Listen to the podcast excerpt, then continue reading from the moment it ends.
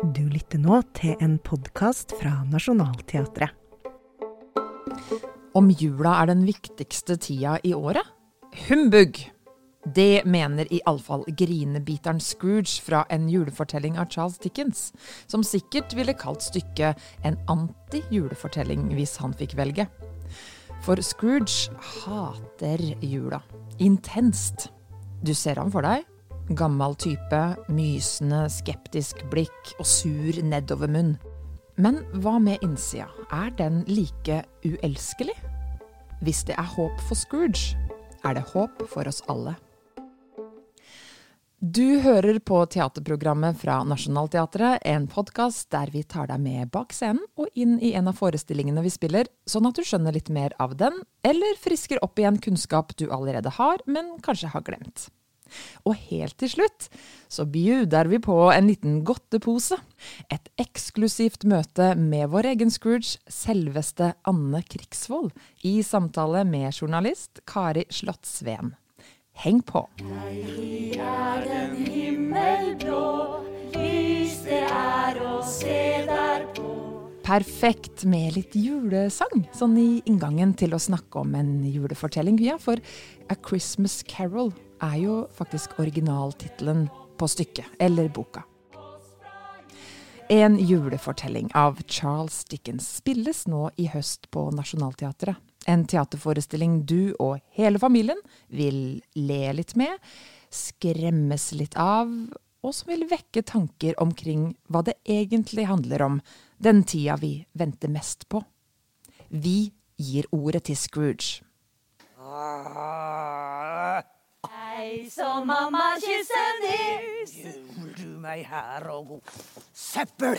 Se på dette søppelet her. Å, jeg hater jul! Merkelig ting å hate jula. Hvor kommer dette agget til Scrooge fra? Vi må begynne på starten av denne julefortellingen. Eller faktisk hakket før starten. La oss reise til London. Til midten av 1800-tallet. Til viktoriatidens England. Livet er hardt og brutalt. Folk er fattige. Mange sulter. Det er massiv befolkningsvekst inn til byen, samtidig som utvandringen til Amerika er i full sving. Men det er lys i tunnelen, for en samfunnsbevissthetsbølge brer seg over store deler av verden og Europa. Og empatiske dronning Victoria vil også bidra til å bekjempe fattigdommen. Eksempel skulle barn uansett klasse få gå på skolen. Folk skulle få lære å lese. Og midt i alt dette ble det arrangert en skrivekonkurranse om å skrive den nye julefortellingen. For det fantes nemlig ingen skikkelig god julefortelling på denne tida, bortsett fra Bibelen. Kanskje var det akkurat det datidens samfunn, fattig på så mange måter, trengte. En ny, inkluderende og varm julehistorie som alle kunne samle seg rundt. Den erfarne og relativt unge journalisten og forfatteren Charles John Hoffman Dickens, som allerede var kjent for å ha skrevet om fattiggutten Oliver Twist, meldte seg på. Dickens skrev hele fem julehistorier til konkurransen, men det var den første, med det geniale navnet A Christmas Carol, som virkelig slo an. I dag mangler det ikke på julefortellinger. H.C. Andersen skrev faktisk Piken med svovelstikkene rett etter A Christmas Carol. Dickens starta en trend. Kanskje kan man si at en julefortelling er selveste julefortellingen over alle andre? Bare hør her. Den gamle grinebiteren Ebenezer Scrooge er en misantropisk gjerrigknark som har snudd ryggen til samfunnet. Han er gledesløst besatt av penger og driver en bank, låner ut penger og setter opp renta. Lille julaften blir han hjemsøkt av sin avdøde gamle kollega Marley, som sier at hvis han ikke skjerper seg, vil det gå ham dårlig. Videre inn i denne skjebnesvangre julenatta blir han konfrontert av flere spøkelser. Både fortidens, nåtidens og fremtidens ånder kommer på besøk. Er det for seint for Scrooge?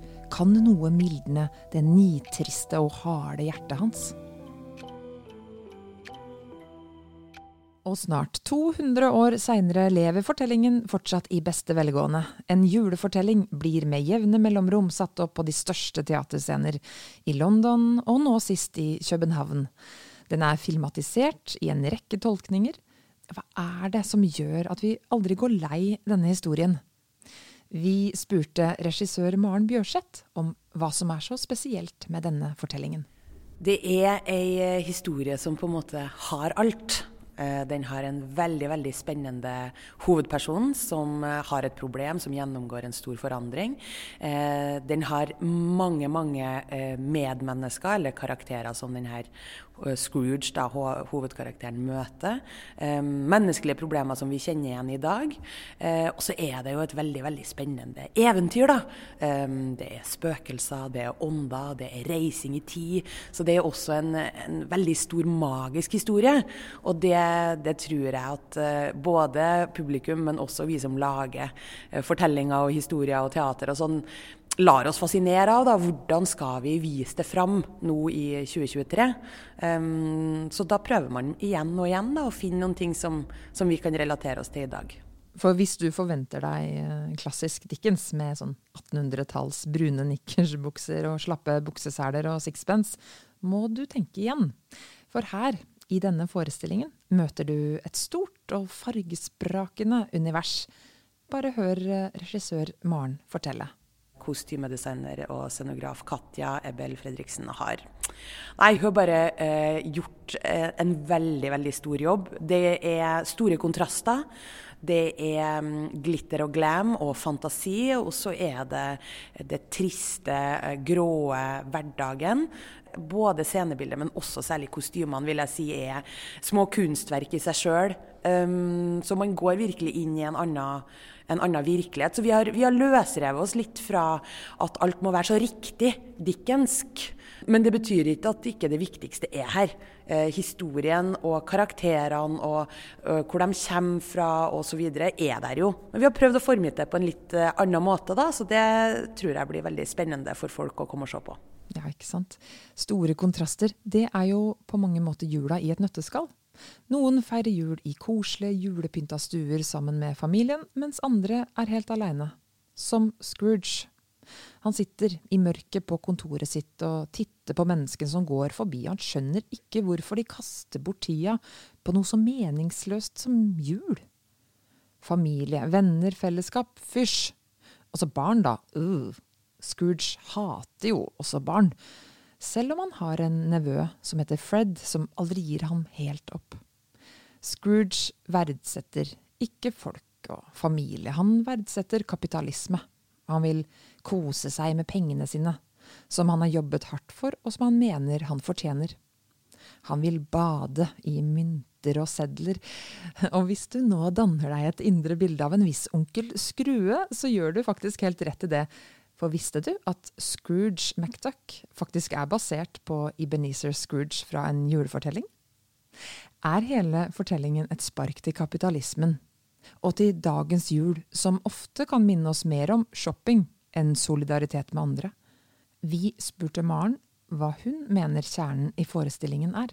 Nå har jeg jobba med det her i flere år, og vi har hatt prøve og holdt på med jul siden slutten av august.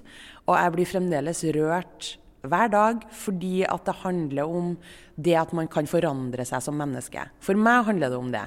At, uh, at Scrooge uh, har låst seg fast i livet sitt, har tatt så mange valg at han ikke lenger vet hvorfor han har tatt de valgene, og så får han på en måte en mulighet til å velge på nytt. Det handler det om for meg. Hmm.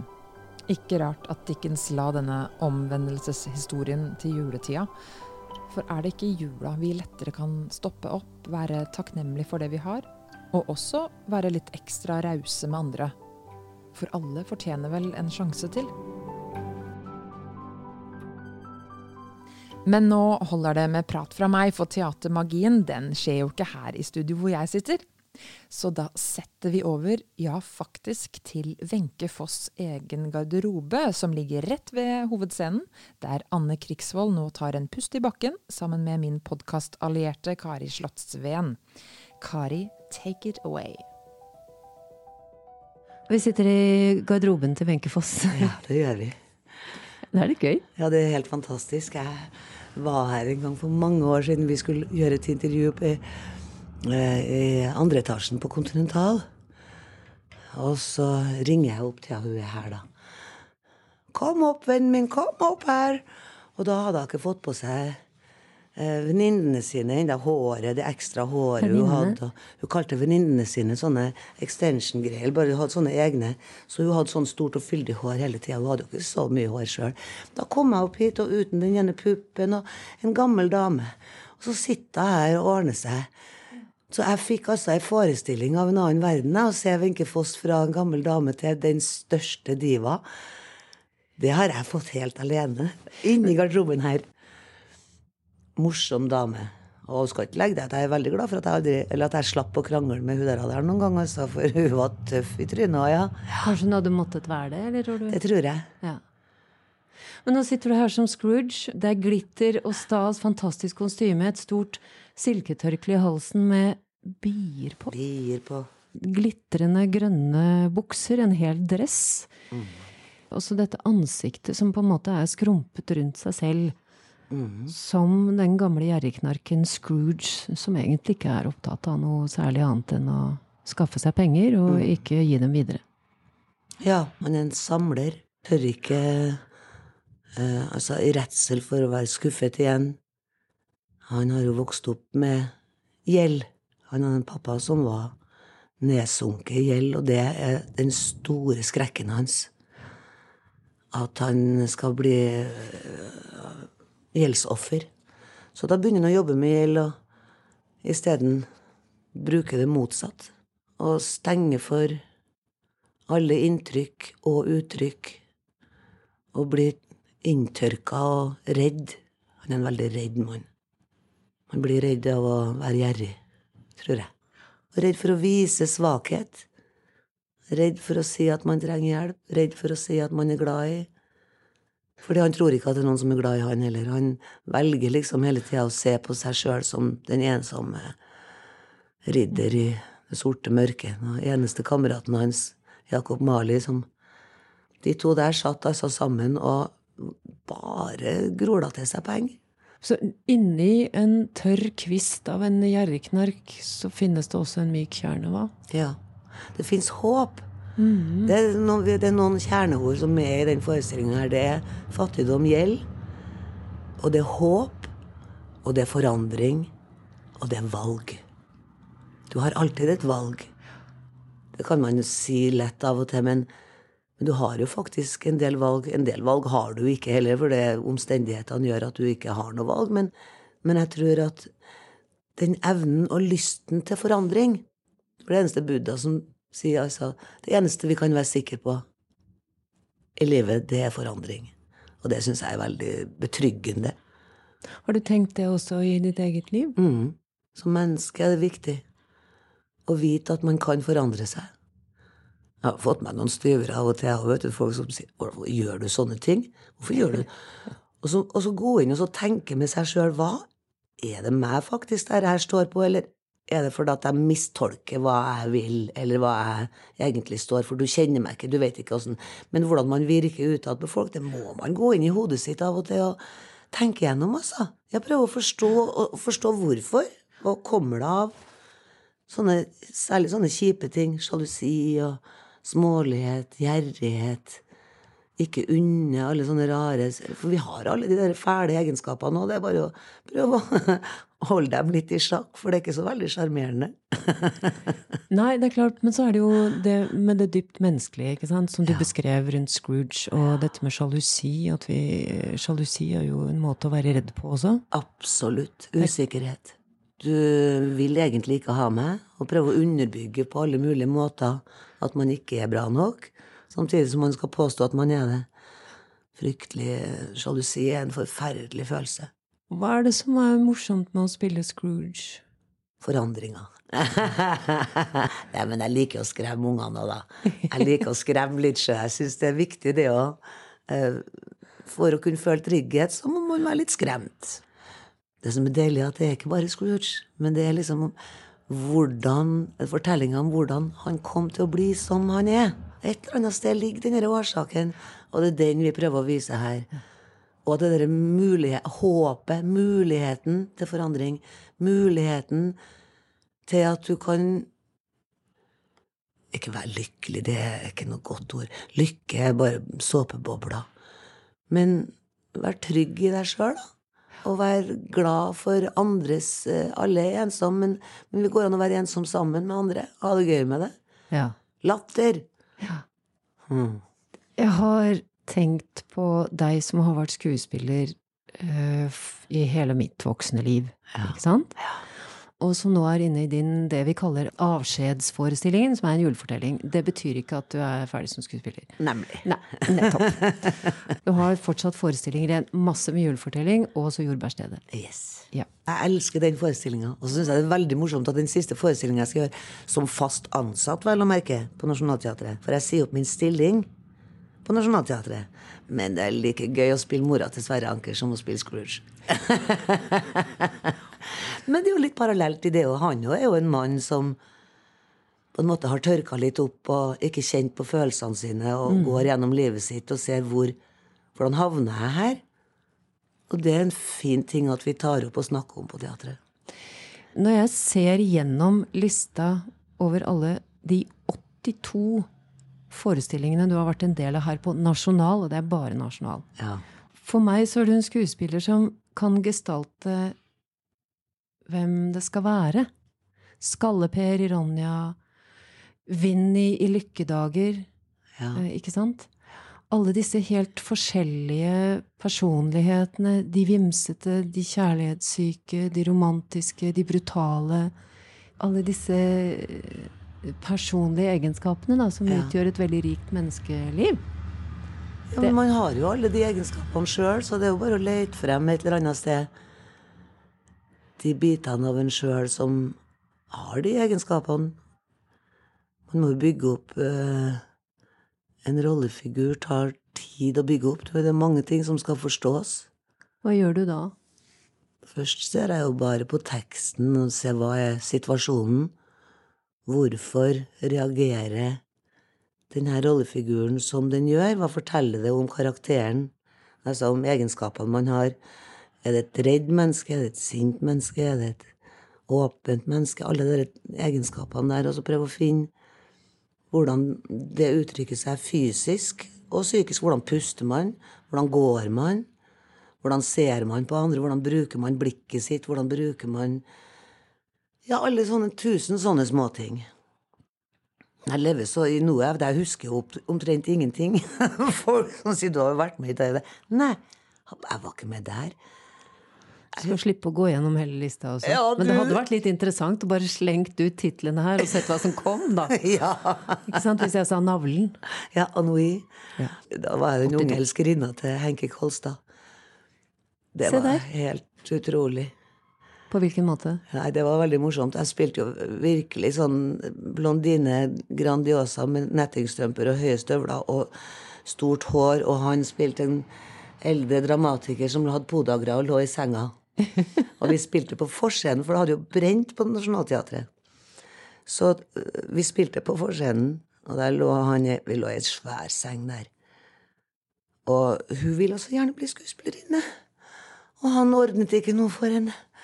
Så hun har en lang monolog hvor hun skjeller henne ut. Så er det en eldre dame på, på første benk som slår i scenekanten, og så sier hun oppriktig talt, sånn snakker man da ikke til Henki Kolstad. Da ble det slutt på snorkinga ved siden av meg. Jeg klarte å holde meg, men det gjorde ikke Henki. Hva er de rareste utropene du har fått? Kan du huske noen? Altså, sånn som dette her, at folk helt mister det lite grann? Ja, det har vært noen. Jeg gjorde jo Petter Pinnsvin, en av de gode rollene jeg har gjort. Petter Pinnsvin og hunden Hannibal. Og da Peter Pinnsvin kommer ut og 'Å, jeg er så sulten'. Og da hadde jo Rett før min scene så hadde de jo hatt full fest i pepperkakehuset. Og ville kollegaene mine har da slengt rundt seg med pepperkaker. Så lå det pepperkaker over hele scenen. Da hadde Lita her som sinner i salen Ja, men det er masse pepperkaker rundt deg. Kan du ikke spise pepperkaker? Jeg tåler ikke pepper, må jeg si da. Du, du aner ikke hva du skal si, for det kommer noen meldinger av og til. Og så har det vært noen sufflier opp gjennom årene som har vært helt ubetalelig. På hvilken måte? Nei, Jan Grønli, for eksempel, i, i Teatermakeren. Lange monologer, bare monologer, og så står han plutselig fast og ser bort på Wenche suffløren. Sånn litt desperat, og hun ser spørrende på han. Virkelig sånn Mener du det her? Skal du ha suffli nå? Ja. sier han. Mm. Og da er det følgende replikk. Folk skulle bare visst hvor vanskelig det er å huske teksten. Da lå vi rundt omkring, og det var ikke bare skuespillerne. Da lo. Det var et helt magisk øyeblikk. Hvordan kommer du deg tilbake igjen da? Nei, da må vi le fra oss. ja. Og så må man prøve å puste og ikke se på hverandre. Eh, det derre samspillet med publikum er en utrolig rar ting. Og jeg tror også at jeg prøver å si til alle unge skuespillere ikke vær redd for å drite deg ut. Altså, gjør du noe gærent på scenen, publikum elsker det hvis det er noe som går gærent. For det forteller at vi er ikke perfekt. Det er ikke sånn at alt går akkurat sånn som det skal. Det er ikke, søm, det, er ikke sømfritt. Det er bulker, og det er hull, og det rakner noe grenseløst av og til. Og det er tilgivende. Folk får lov til å tilgi. Folk får lov til å være rause, og det tror jeg gjør noe med folk. Jeg tror man skulle starte ha mye mer feil, så folk får sett at det, at det er ikke noe farlig at det går galt. Vi puster i samme rom, vet du. Vi kjenner hverandres varme. Vi kjenner at vi er Det, det er en og, og, og en konsentrasjon. Når konsentrasjon mot konsentrasjon møtes, så oppstår det jo en helt spesiell stemning. Det er ikke sånn som å sitte på trikk og buss. Du setter deg ned ved siden av et menneske du ikke kjenner. Men du setter deg ned sammen med noen i en sal, så opplever man Det er liksom felles mål. Vårt mål er å tilfredsstille publikum. Deres mål er å bli tilfredsstilt. Og i den rare kontakten der så oppstår det noe helt spesielt. Loftsmester på hovedscenen, takk. Ja da, vi er i gang.